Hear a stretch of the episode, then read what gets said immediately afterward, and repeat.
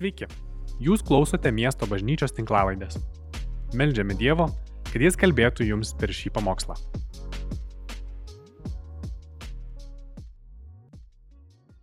Sveiki, šiandien tęsiam pamokslų seriją Ateities bažnyčia apie tai, kokį, kokius atsakymus turi bažnyčia, krikščionybė mūsų dabartiniam problemom, iššūkiams visuomenės ir, ir ateinantiems iššūkiams visuomenės.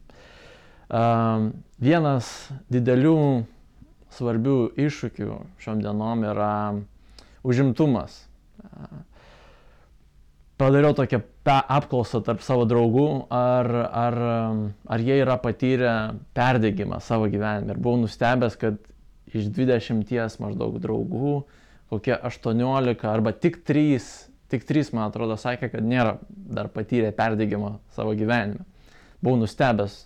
Um, paskaitysiu, kaip, uh, kaip apibūdinamas, kaip, kaip suprasti, ar tu esi patyręs tą perdėgymą savo gyvenime. Keli klausimai, kurie padės atpažinti. Uh, tarkim, sutrikęs miegas, pablogėjusi fizinė savijauta, nuolat kamuojantis nuovargis ir vidinė įtampa, tuštuma ir išsiekimas ryškiai sumažėjusi profesinė kompetencija, neigiamas požiūris į aplinkinius, į savo darbą, jo prasmės nematymas, polinkis dėl neigiamos savijautos kaltinti aplinkinius arba sugedusią visuomenę, padidėjęs jautrumas kritikai, pažeidžiamumas dažnai nekontroliuojami su nusivylimu besikaitaliojantis neigiamų emocijų protrukiai. Žmogus man sakė, kad aš nuolatos tame va, tokiam, tokioj būsinoje gyvenu. Ir kitas, kitas, kita problema yra darboholizmas, kas irgi susijęs su to perdėgymu, vienas kitą papildo.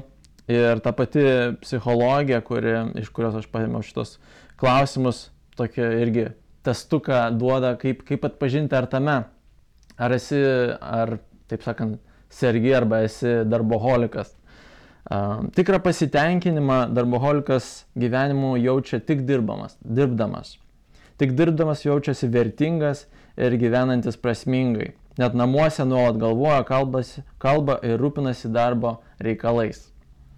Nesėkmė darbė ar negalėjimą darbuoti suvokia kaip gyvenimo katastrofa, tarkim, atsitiko koks nors ten sveikatos sutrikimas, kur reikia palisėti žmogui katastrofa, jis negali ilsėtis. Artimieji jį ir aplinkiniai mato, kad visa, kas susijęs su darbu, jam kelia, kad kas nesusijęs su darbu, jam kelia nuobodulį ar nerimą, ten būties tvarkymas, šventės.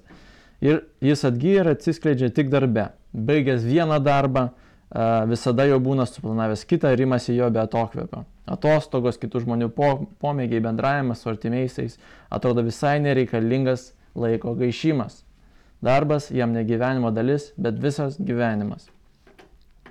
Dar įdomus faktas, um, skaičiau tyrimą Vilniaus universiteto, neminėsiu ten pavardžių, nes jų, jų yra labai daug, kas tyrė, bet jie tyrė savižudybės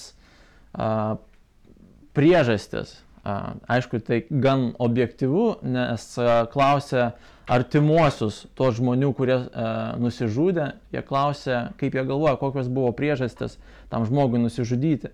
Ir 40 procentų atvejų artimieji sakė, kad tai buvo susijęs kažkas su darbu, arba su įtampa darbe, arba kad žmogus buvo darbo, darboholikas. Per šias kalėdas patyriau kai ką naujo pats asmeniškai buvo labai įtemptas laikas iki kalėdų ir, ir su mokslais, ir su tarnavimu, ir namuose. Ir, um, žodžiu, gyvenimas mes dar bandom susigaudyti su to gyven, naujų gyvenimo būdų su, su vaikų namuose, bet mūsų gyvenimas jau ilgą laiką atrodė kaip ryte atsikeli ir varai būties reikalais, vaiko reikalais, bandai įterpti darbą ir uh, mokslus į į laisvas vietas, kur, kur, kur tik įmanoma ir taip viskas tęsiasi - gaminimas, tvarkymasis, mokymasis, ruošimasis, susitikimai. Man dar ypatingai yra daug, daug darbo iš namų, tai vai, taip ir visą dieną ir praeina iki pat vakaro, kai sunus Elijas nueina mėgoti, aš irgi dar einu dar padirbti. Tai toks va, visą dieną tokia ir tai pasi, pasireiškia tokiam, kad uh, link kalėdų, jau kai man baigėsi mokymosi semestras prieš kalėdas, tai link kalėdų ir grinai prieš kalėdus jau viskas taip buvo per daug, viskas sprogo ir, ir tiesiog supratom, kad reikia pailsėti. Ir tam, kad pailsėti, mes nusprendėm, gavom gerą tokį, radom gerą pasiūlymą, nusprendėm važiuoti į, į Birštoną. Ir pagalvom, kad pailsėti ger, gerai Birštone, bet kartais pailsėti geriau įprastoje aplinkoje nei naujoje, ypatingai jeigu viskas uždaryta per kalėdas. Bet žodžiu, mes ten nuvažiavom ir ką aš patyriau naujo yra, kad uh, aš supratau, kad man sunku perjungti pavarą. Aš kaip pasakoju apie tą ritmą tokį, žinai, nuo nu, ryto iki vakaro varimo. Ir dabar tu esi viešbutėje, namų, aplink, namų kažkokių tvark, tvarkymosi būties ruošos nėra, mokslo nėra, tarnystės nėra. Ir tu supranti, kad laikas būti su šeima, mintis bėga į kažkokius tai darbus, supranti, palauk, čia dabar tam nei, nei kam reikia to, nei dabar negalima, tai daryti ne tam laikas, supranti, kad reikia būti su šeima, bet suprantu, kad negaliu, kad mano mintis kažkur tai bėga ir jeigu ne, negaliu dirbti, tai aš kitaip susirandu darbą, kažkaip mūsų tvarkaraštį pastumdyti, dabar tą ar aną darysim, arba panaršyti internete, ką mes čia galim nuveikti tame birštone, ką čia, ką čia pamatyti, arba šiaip dar kaž, kažką ieškoti, nu, bet toks ties, kambarį sutvarkyti, kad ir. Viešbučio kambarį, kas tvarko viešbučio kambarį, visiška nesąmonė. Bet, bet toks vidinis jausmas, kad tu negali tiesiog būti kažkokia, kažkokia tuštuma, vat, kaip, kaip šitie klausimai um, ap, aprašo tą tokio darboholizmo ir perdėgymo būseną. Ir po to reflektuodamas jau apie tai, kai mes uh, grįžom namo, aš galvojom, prisiminiau savo tėvą, prisiminiau, kad uh, jis su mumis atostogų beveik niekada nevažiuodavo, Arba jeigu važiuodavo, tai uh, mes važiuodavom su mama, jeigu jis važiuodavo, tai jisai uh, per pusę atostogų išvažiuodavo atgal dėl darbo reikalų. Jam buvo tiesiog labai sunku gulėti paplūdimi, ilsėtis. Jis turėjo važiuoti atgal dirbti, tai aš atsimenu daug atostogų su mama. Po to, kai mes namuose būdavom, atsimenu jį gulint tiesiog ant, ant svetainės kilimo, ten toks buvo tas šilt, šiltos grindis, tai patikdavo tai ten gulėti ir kai mes kažką paprašydavom paveikti kartu, kažkaip pasibendrauti, jis visada sakydavo, kad jam, reikia pailsėti, jam reikia pagulėti. Aš aišku, turbūt nu, nupiešiu tą tokį vieną tik pusę, jis labai geras tėvas buvo ir daug, daug fainų momentų turėjom, bet mano vat, vaikystės tokia atmintis įrėžė ir tai, kad, kad jis kad jam buvo sunku pažaisti, kad jam jis dažnai nenorėjo, jis dažnai norėjo tiesiog kažkaip pagulėti, nes buvo išsekęs nuo darbo ir jam buvo kančia kažkur su mumis, ne kančia galbūt, bet nusunku, nuobodu, eiti su mumis į kavinę, uh, jis galvojo, kad tai kažkoks nereikalingas toks laiko gaišimas. Ir tai kokį, ko, kokį atsakymą, ar krikščionybė turi atsakymą, ar Dievas mūsų turi atsakymą į šitą vat, žmonijos problemą, kurią aš matau savy, kurią aš matau uh, savo, savo tėtyje uh, ir daugelį mūsų, ar ne, tai yra mūsų įprasta būsena tapusi, kaip sakiau, uh, tik 3 iš 20 mano draugų nėra patyrę to, to perdegimo. Dėl darboholizmo buvo labiau taip 50-50, 50 ant 50. 50 procentų žmonių susitapatino su to, su to prašymu darboholiko, 50 ne. Tai krikščionybė, ką, ką krikščionybė turi, turi pasiūlyti vat, mūsų visuomeniai, kuri gyvena tokiu ritmu. Mes žinome, ne, kad Dievas duoda mums naują identitetą, kad Dievas duoda mums įvaikinimą, įsūnymą ir mes esame mylimi ne dėl to, kad, ką mes veikiam, ar kaip mes atrodom, ar, ar ką mes pasiekėm, ne dėl mūsų darbo mes esame mylimi, bet dėl to, kad Dievas mes žinom maloniai, maloniai išlėja mums, dovanai dovanoja mums savo meilę, ar ne? Ir aš visą tai žinojau, manau, kad ir jūs visą tai žinot, bet pasirodo, kad žinoti nepakanka, ar ne? Gali žinoti tai, bet vis dar gyvenimas eina kita vaga. Man patinka Pitas Kasiro pastorius ir rašytojas, sako, tokį gerą sakinį. Sako, Jėzus gali būti tavo širdį, kaip mes sakome, nepakviesk Jėzui savo širdį, įsileisk Jėzui savo širdį, tokia frazė yra. Jėzus gali būti savo širdį, tai tavo širdį tu priemi jį į širdį, bet senelis, tavo senelis vis tiek lieka tavo kaulose. Priimdamas Jėzų į savo gyvenimą, tu ne, nepasikeiti kažkaip tai iš karto, tu nesi, netampi kažkoks tai angelas, kuris nepriklauso visiškai nuo fizinio pasaulio, nuo istorijos, nuo savo konteksto. Mes turim suprasti, kad mes esame įtakojami vis, visų tų dalykų. Jeigu mes, kartais mes kaip krikščionis sudvasinam viską ir uh, suklystam, prisijungiam prie, tokių, prie tokios senos, senos, senos erezijos nuo pirmo amžiaus, kuri vadinasi gnosticizmas. Tai yra toks dualistinis pasaulio supratimas, kad yra dvasinis pasaulis, kuris yra daug geresnis, aukštesnis ir svarbesnis, ir yra fizinis pasaulis, kuris yra toksai mažiau, yra menkesnis. Ir fizinį kūną reikia kažkaip tai sumenkinti, pažaboti tam, kad dvasinis uh, dvasinis tavo žmogaus, tavo siela kažkaip tai pasi, būtų išaukštinta. Bet Dievas mūsų, žydų krikščionybės Dievas, mokina, kad Jis sukūrė fizinį kūną, Jis sukūrė fizinį pasaulį, Jis sukūrė ir žemę, ir dvasinius dalykus. Jis yra dvasia, Jis sukūrė angelus, bet tuo pat metu Jis sukūrė žemę, sukūrė žmogaus kūną ir tai nėra nieko menkesnis dalykas. Tai toks požiūris vadinasi labiau holistinis, apimantis viską arba laikantis tas, uh, duodantis uh, lygią svarbą visiems dalykas, įtraukiantis viską į, į, ma, į, į mūsų mąstymą, ne, ne tik tai, kad man Jėzų priėmiau ir viską, uh, viskas pasikeitė mano gyvenime. Todėl Paulius sako, ne, atnaujinkit savo protą. Jeigu viskas būtų pasikeitę, nereikė, nereikėtų jokio atnaujinimo.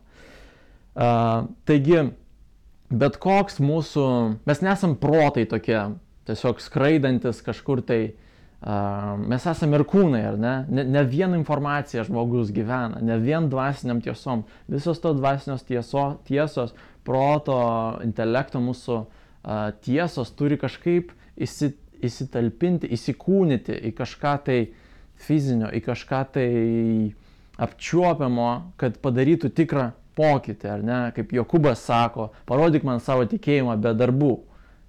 Nėra tokio dalyko kaip, kaip, kaip tikėjimo be darbų. Tikėjimas automatiškai gimdo, gimdo darbus. Galbūt prasideda nuo tikėjimo, bet jeigu tai ne, nepe, nepasiverčia į darbus, tai yra tuščia. Arba Jėzus, ar ne, jis galėjo Dievas sakyti tiesiog informaciją, aš jūs myliu, žinai, kiekvieną savaitės pirmą dieną garsiai per visą miestą Dievo balsas, aš jūs myliu ok, informacija, mes, mes girdėjom, bet Dievas ne, jis sakė, jis įkūnijo tą meilę, jis ją rodė per visą istoriją uh, pasaulio, kaip veiksmais, kaip jisai myli, ką reiškia, kad jis myli. Ir galų gale Jėzuje jis grinai įsikūnijo, įtalpino savo meilę į Jėzaus asmenį, jis ateidamas į šį pasaulį ir pasiaukodamas už mus. Tikras veiksmas, ne tik tai informacija, ne tik tai dvasinė tiesa. Taigi, į ką turi mūsų va, tikėjimas, kad mes esam dabar, mūsų identitetas yra Dieve, kad mes ne, ne, nesam priklausomi nuo mūsų darbo, kad mūsų vertė nėra mūsų pasiekimuose, produktivume, į ką turi įsitalpinti šitas tikėjimas, į kokią fizinę išraišką to. Noriu pasiūlyti, kad jau labai seniai Dievas yra žydams ir, ir mums kadangi mes esam įsi, įsilieję į tą ži, diev, dievo, dievo preikštą tikėjimą žydams, mes krikščionys esam įsilieję į, į tai, mes prisijungiam prie to. Tai labai seniai jau Dievas yra preiškęs uh, savo žmonėm, ką, ką tai reiškia. Tai yra šabo praktika, sabato diena. Pasižiūrėkim į um, trumpą Biblijos apžvalgą, ar ne, Dievas uh, santykis su Dievu Adon, Edon, Edemo, Edeno sode yra sulaužomas ir Dievas bando jį atstatyti, ar ne. Jis pasirenka Abraomą iš daugelio žmonių, kad parodyti visam pasauliui, ką reiškia būti Dievo žmonėm, ką reiškia gyventi santykė su Dievu, kad šita tauta, šita šeima iš Abraomo kilusi būtų pavyzdžių visiems, visom kitom, visom kitom tautom, visam kitam pasauliui. Ką reiškia turėti santykį su Dievu. Ir Izraelis įeina į vergystę Egipte. Ir kai Dievas juos išveda po daug metų iš Egipto, jis jiems pradeda juos vėl mokinti. Dabar aš iš jūsų darysiu ypatingą tautą, atskirą, tautą, atskirą, atskirą tautą, kitokia nuo visų kitų tautų, kad jūs būtumėt šviesa pasaulyje, kad jūs uh, rodytumėt pasauliui, ką reiškia turėti santykių su Dievu. Ir jis išveda juos į dykumą iš Egipto ir duoda jiems po trijų mėnesių tokį mokymą, ką reiškia būti Dievo žmonėm. Duoda jiems dešimt įsakymų. Ir kokie yra tie įsakymai? Ne pirmi trys yra apie santykių su Dievu, paskutiniai šeši yra apie santykių su žmonėm. O per vidurį tas ketvirtas įsakymas apie, apie šabo dieną, kurį mes dabar perskaitysim, yra toks kaip ap, apriepiantis ir santykio su Dievo dalį, ir santykio su žmogum dalį, kaip tiltas toks. Perskaitykim tą ketvirtą įsakymą. Atsimink sabato dieną, kad ją švestum. Šešias dienas dirbk ir atlik visus savo darbus, o septintoji diena yra sabatas viešpačiui tavo Dievui. Joje nevalia dirbti jokio darbo nei tau, nei tavo sūnui ar dukteriai, nei tavo tarnui ar tarnaitai, nei tavo gyvuliui, nei ateiviui, kuris yra tavo namuose. Nes per šešias dienas Dievas sukūrė dangų, žemę, jūrą ir visą, kas joje, o septintąją dieną ilsėjosi. Todėl viešpats palaimino sabatą ir pašventino jį. Dievas duoda įsakymą šve, e, atsiminti sabato dieną. Kas yra sabatas? Kas yra tas žodis žydiškas šabatai? Tai yra labai paprastai e, išverčiama kaip sustoti, ilsėtis, baigti. Tas žodis kaip išversta, kad Dievas septintąją dieną ilsėjosi, yra Dievas septintąją dieną sabat. Arba žydiškai šabat. Dievas, dievas šabat septintąją dieną. Jis baigė, sustojo, ilsėjosi dirbo, dirbo, dirbo, dirbo ir baigė, sustojo, ilsėjosi. Uh, tai Dievas sako, nuo, nuo, nuo ko jisai sustojo, nuo ko mes turim sabato dieną sustoti. Uh, nuo šešių dienų darbo. Tai irgi yra įsakymas. Sako, šešias dienas dirbk. Ir mes kalbėjome apie tai spalį, turėjom du pamokslus apie darbo gerumą, apie tai, kad Dievas sukūrė darbą. Kai kuriems labiau turbūt šito mokymo reikia, nei, nei apie sustojimą galbūt. Uh, apie tai, kad darbas yra geras, kad gerai yra dirbti, bet a, ir reikia sustoti, turi būti tas santykis šešių ir vieno. A, kodėl reikia sustoti?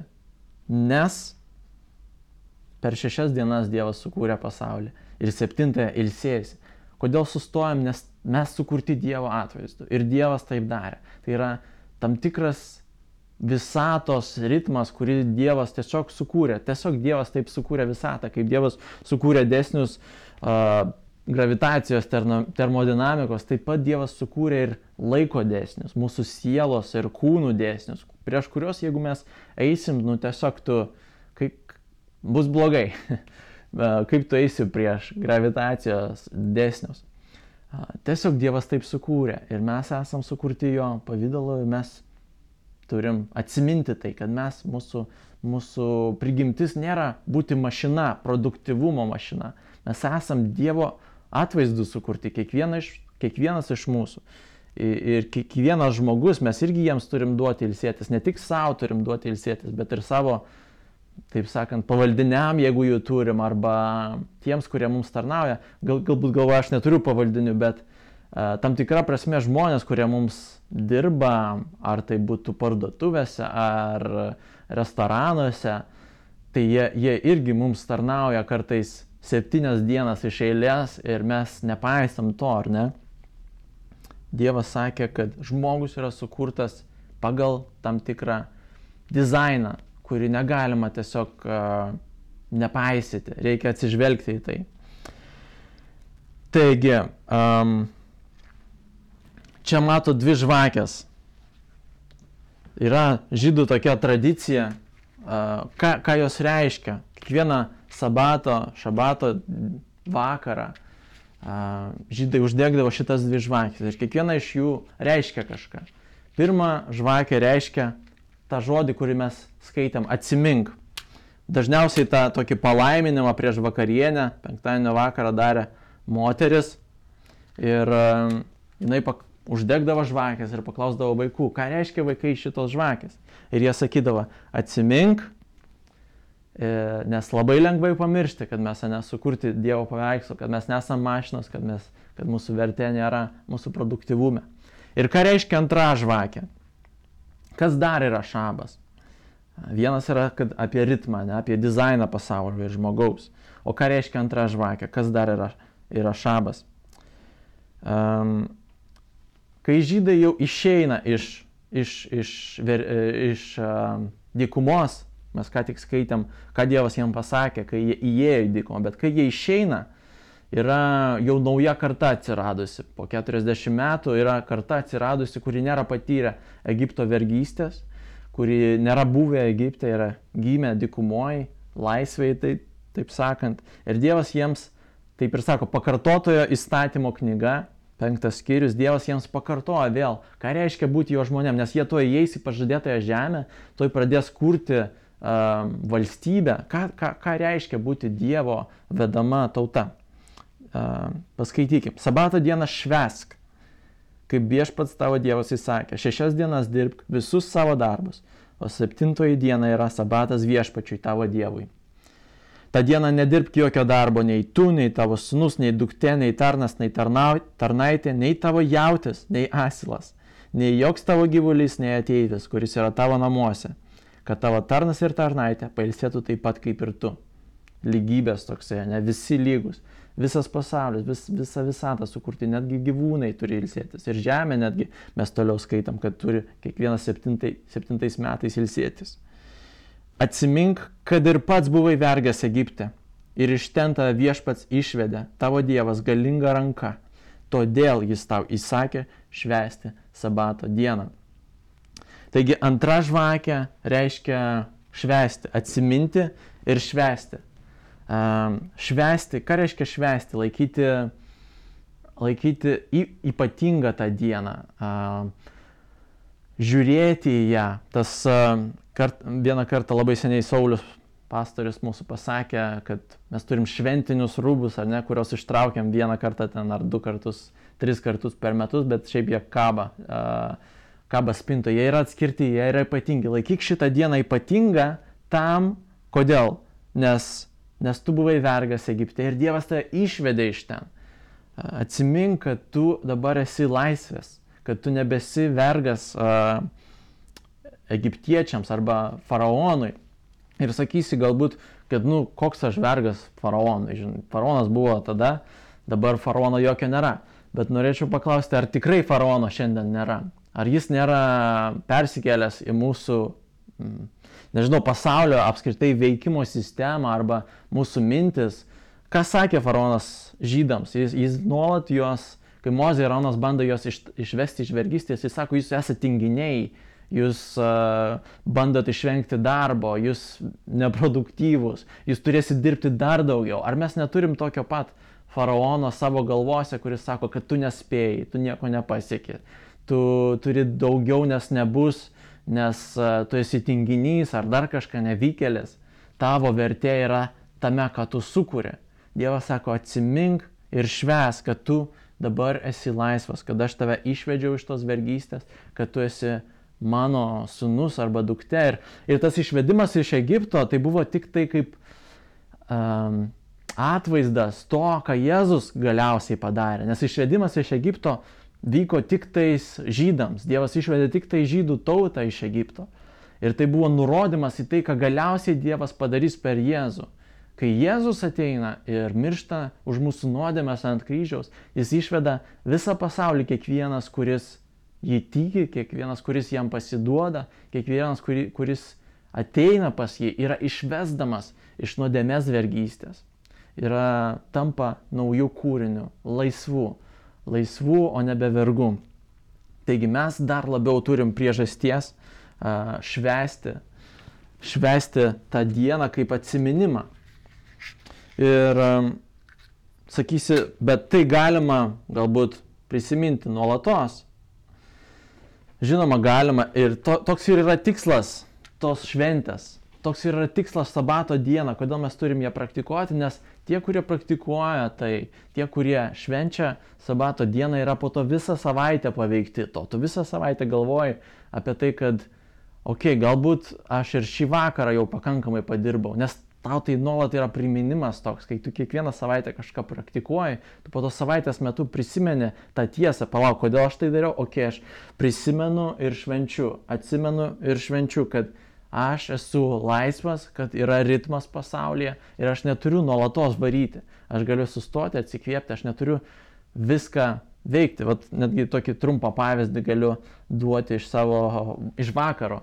Mes pirkom Vilniui kompiuterį, pagaliau nupirkom, ilgą laiką vargom su senu tokiu kompiuteriu, pagaliau nupirkom. Ir viskas buvo, viskas buvo sutarta su to žmogum, iš kurio pirksim. Uh, jis sako, viskas paruošta, ateikit jau, pasimkit ir gal, galų gale paskutiniu momentu jis sako, oi, sorry, aš persigalvojau, kažkaip man nepatiko ta pirkimo pardavimo sutartis, aš geriau parduosiu taip, nu, paprastai, kaip žmonės parduoda, be jokių sutarčių. Žodžiu, išsigando žmogus, pagalvoja, kad mes jį apgausim ar kažką.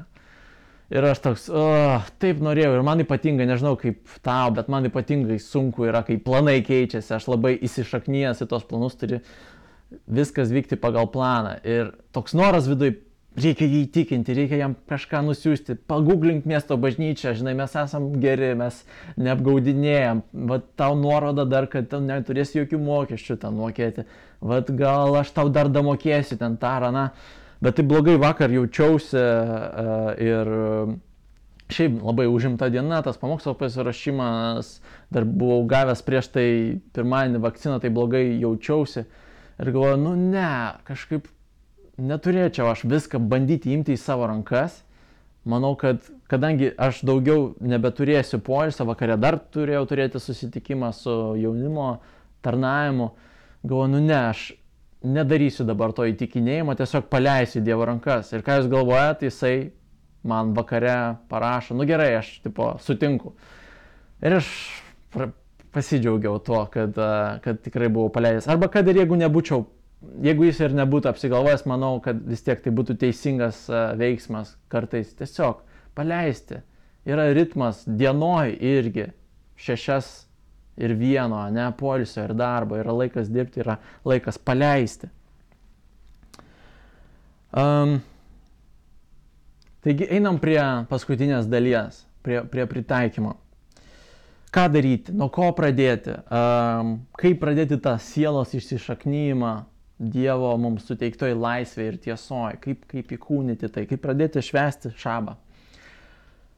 Visų pirma, noriu paminėti, kad mano noras per šitą pamokslą buvo ne išaiškinti visą šabo teologiją ir praktiką, bet tiesiog sužadinti tokį interesą tame, um, padėti jums galbūt parodyti, kad tai yra gera ir teisinga ir galbūt reikalinga ir kad jūs pradėtumėt norėti patys apie tai pastudijuoti, pasidomėti, pradėti tą kelionę į tą pusę. Aš atsimenu, pastorius Saulis, kai prieš tai kalbėjo, nežinau, kiek jau čia metų aš atgal tai girdėjau, kokius tris metus, gal du metus. Ir, ir tai man taip suveikia, tiesiog sužadino interesą. Ir aš vat esu jau toj kelioniai kokius tris metus ar du nuo to laiko, kai išgirdau, pradėjau labai labai lėtą tą kelionę. Vat irgi norėjau pa, pa, pabrėžti, kad nusiteikti ilgam, tai yra viso gyvenimo kelionė. Mes esam ne žydai, mums tai visiškai nauja ir jeigu tau tai yra didelis dalykas, jeigu tau yra visiškai naujas dalykas. Uh, gali būti, kad tu pradėsi, pradžiai bus fainiai, kaip, kaip ir daugelis dalykus, tu pradedi gitarą groti ir pradžiai fainiai, po to supranti, ant kiek tu blogai groji. Toks nusivylimas. Aš tai kokius gal keturis kartus pradėjau groti gitarą, mokytis ir visada ateinu prie to taško, kaip suprantu, o man taip blogai sekasi ir nusivylė. Tai noriu iš karto va tam, kad šabas irgi yra, nu, atrodo, poilsio praktiko, bet mes ant tiek atpratę ilsėtis, kad pradžioj tai bus labai sunku, norėsis eiti dirbti, norėsis eiti kažką tvarkyti. Dar vienas dalykas yra, kad reikia suprasti, kad šabas nėra tiesiog laisvadienis mes linkę suprasti laisvadienį kaip diena, kai mes nedirbam įprastą darbą, už kurio mums moka, bet dirbam darbus, už kuriuos mus nemoka, ne? Būties darbus, kažkokius tai savanoriavimo darbus. Uh, viskas, kas irgi, irgi yra darbas ir kas irgi mūsų sielą nemaitina, nevargina. Uh, nemaitina, o vargina. Tai šamas nėra tiesiog poilsio diena, kai, kai, kai tai yra laisvadienis, kai mes užsiemam visais kitais darbais. Tai yra šventa diena, kitokia diena. Ir principas, kuris uh, padeda, aš kuri ruoždamas šiam pamokslui daug perklausiau tokio Džono Marko Komerio, uh, įstrigo man tas jo principas, renkantis, galvojant apie šavo dieną, ką daryti, tokius du klausimus savo užduoti. Ar tai yra garbinimas ir ar tai yra polisis. Jeigu ne, tai tiesiog palikti yra šešios kitos dienos, kada tai galima daryti.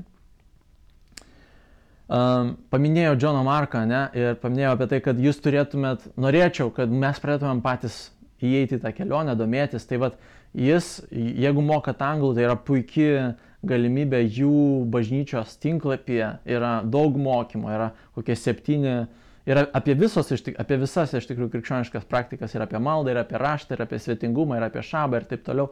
Visas praktikas sudėliojo į tokį mokymo kaip ir tinklapį, kur e, įeina į šabą ir ten yra teorija septyni mokymai ir praktika kokie septyni mokymai. Tai jeigu mokat anglų, puikus resursas. Jeigu nemokat anglų, yra tokia visiškai pamatinė knyga, kuri visi, kas kalba apie šabą, rekomenduoja, yra uh, Aarono Joshua Hešvalo knyga, kuri taip ir vadinasi Šabas, yra išversta į lietuvių. Um, kuri irgi yra tokia nu, visišk, visiškas pamatas, kuri visi pama, pa, pamenė. Saulis taip pat yra mokęs apie šabą, kaip minėjau, ir galbūt mes galėsim dar Facebook'o puslapį išmesti per šią savaitę priminimus arba kažkokius iš istorijos mūsų įrašus, kad ir, tą, ir taip pasimokyti. Uh, kas dar? Dar keletą patarimų tokių. Šabas gali būti tradiciškai žydams tai buvo nuo penktadienio vakaro iki šeštadienio vakaro. Aš tai praktikuoju, nes sekmanis man būna toks labiau kartais tampa darbo diena, o ne poilsio. Bet daugeliu krikščionių tai gali būti sekmanis, nuo šeštadienio vakaro iki sekmadienio, nes jeigu tu gali pasirinkti, žodžiu, kaip, kaip, kaip tau geriau, bet tai yra ir šlovinimą turintis, to, turinti tokia diena sekmadienį ar ne. Ir gali visą kitą aplink um, toj dienoj susidėlioti. Arba jeigu, galbūt dar trečias variantas, jeigu kažkaip visiškai neišeina nei šeštadienį, nei sekmadienį, kartais galima ir savaitės metu rečiau, bet manau, kad daugumai tai bus iš jūsų sekmadienis. Šią savaitę, tarp kitko, mes, aš darysiu, mes bandysim šamą su šeima švesti uh, ketvirtadienį, nes nes šeštadienį mes važiuosim su jaunimo tarnautojais į išvyką, tai va tokį darom kažkokį hybridą, išeinam iš to, kas yra. Ir, ir reikia turėti va tos laisvės tame, kaip Jėzus sako, šabas yra žmogui, o ne žmogus šabui, ar ne? Kai kurie, kurie krikščionys iš to iš viso išveda, kad, žinai, Jėzus sako, kad nereikia švęsti šabo, bet Jėzus pats šventė šabą. Jis laikėsi to, bet jis turėjo tą matymą, kad šabas turi žmogui padėti, o ne mes, kad tarnautumėm šabą, tai mes galim lankščiai lankščiai su juo elgtis. Ir galim pradėti nuo labai mažų žingsnių, tiesiog galbūt mažiau gaminti, užsisakyti maistą, arba jeigu tau yra smagu eiti kažkur pavalgyti, jeigu turi galimybę. Galbūt pasigaminti prieš tai maisto dieną, kad nereikėtų vargti kitą dieną, pasitvarkyti namuose, tarp kitko. Diena prieš šabą pažydus vadinasi pasiruošimo diena, kai tu darai visus savo darbus, užbaigi, viską paruoši šabui, kad, kad per šabą tikrai galėtum ilsėtis, nes jeigu nes, nepasiruoši, tai po to iškyla visų visokiausių problemų ir tai bus labiau vargas nei, nei poilsis. Ir taip tur, turbūt ir bus. Kitas dalykas yra praktikuoti su kitais. Aš bet sakiau, kad esu šito kelionai kokius du, galbūt metus, bet visada buvau vienas. Ir per šias kalėdas mes sutarėm su šeima, kad kažkaip vienas nebesigauna, mes turim kartu eiti, eiti į šitą pusę, kartu siekti to, kartu švesti, kad tai taptų labiau mūsų šeimos auginimo toks mechanizmas, e, mūsų šeimos tradicija, kuri mums primena apie Dievo gerumą mums. Tai gali draugus pasikviesti, bažnyčią pasikviesti, šeimą pasikviesti, tai kad irgi būtų lengviau Uh, išjungti telefoną, daugam telefonas, mes tikrinam jį nuolatos. Šabas, aš, aš bandau išjungti telefoną. Ir paskutinis dalykas yra susifokusuoti į dėkingumą, o ne, o ne į norėjimą. Jeigu, tarkim, ateina mintis, jeigu bandysi švęsti šabą ir pasakysi, kad aš nebandysiu nesiskūsti arba nenorėti kažko, ko neturiu per šabą, o labiau susifokusuoti ant to, už ką esu dėkingas, pastebėsi, ant kiek dažnai iškyla tie kažkokie norai. Aš dažnai vat, pagalvoju per šabą, kad, o, praš, to reikėtų, vat, man tam snieglentiai dar nusipirkti kažkokį tam priedą arba ten e, skaitimo. Aš per, bandau daugiau skaityti ir tada prisimeni, kad tau reikia skaitimui dar kažkokiu ten priemonė ir galvoju, pradedi ieškoti, ne, ne, ne, palauk, ne apie tai dabar. Yra šešios dienos tam norėjimui ir pirkimui. Nepirkim, neno, nenorėkim, bandykim susifokusuoti ant tai, kad turim per, per šabą ir būti dėkingais už tai. Kviečiu pasimelsti pabaigai kartu. Viešpatė, mes dėkojom tau už, šias, už šią nuostabę tiesą, kurią tu įtalpinai į, į praktiką, kurią tu įkūnijai į va tokį mums a, pagalbą, instrumentą mūsų žmogiškumui, kuris padeda mums tai suprasti labiau, tavo meilę suprasti, tavo meilę patirti, tapti kitokiais žmonėm, tapti laisvais žmonėm prisiminti nuolatos, kad mes ne vergai, kad mūsų identitetas nėra produktyvume, produktyv, produkt, produktyvume ir pasiekimuose viešpatė, darbe mūsų, bet tavyje, tavo meilėje, ta santykėje su tavim, kad tu mums duodi galimybę, leidimą, netgi įsakymą ilsėtis turėti to sustojimo, poilsio viešpatė. Dėkojam už tai, kad esi toks nuostabus Dievas viešpatė, ne tai kaip mūsų pasaulio kultūra sako, kad mes turim varyti. Nesi vergvaldis kaip, kaip faraonas viešpatė, šlovinam tave už tai, kad nuostabiai sukūrė mūsų ir pasaulį ir duodi mums tų nurodymų, kaip, kaip teisingai gyventi. Padėk mums šitam kelyje, padėk mums priimti tai su malone, nesu religingumu, kad taip mums tarnautų viešpatė. Jėzaus vardu viso to prašom ir dėkojam. Amen. Ačiū, kad klausėte. Daugiau informacijos rasite mūsų svetainėje miestobažnyčia.lt arba Facebook, Instagram ir YouTube paskiruose.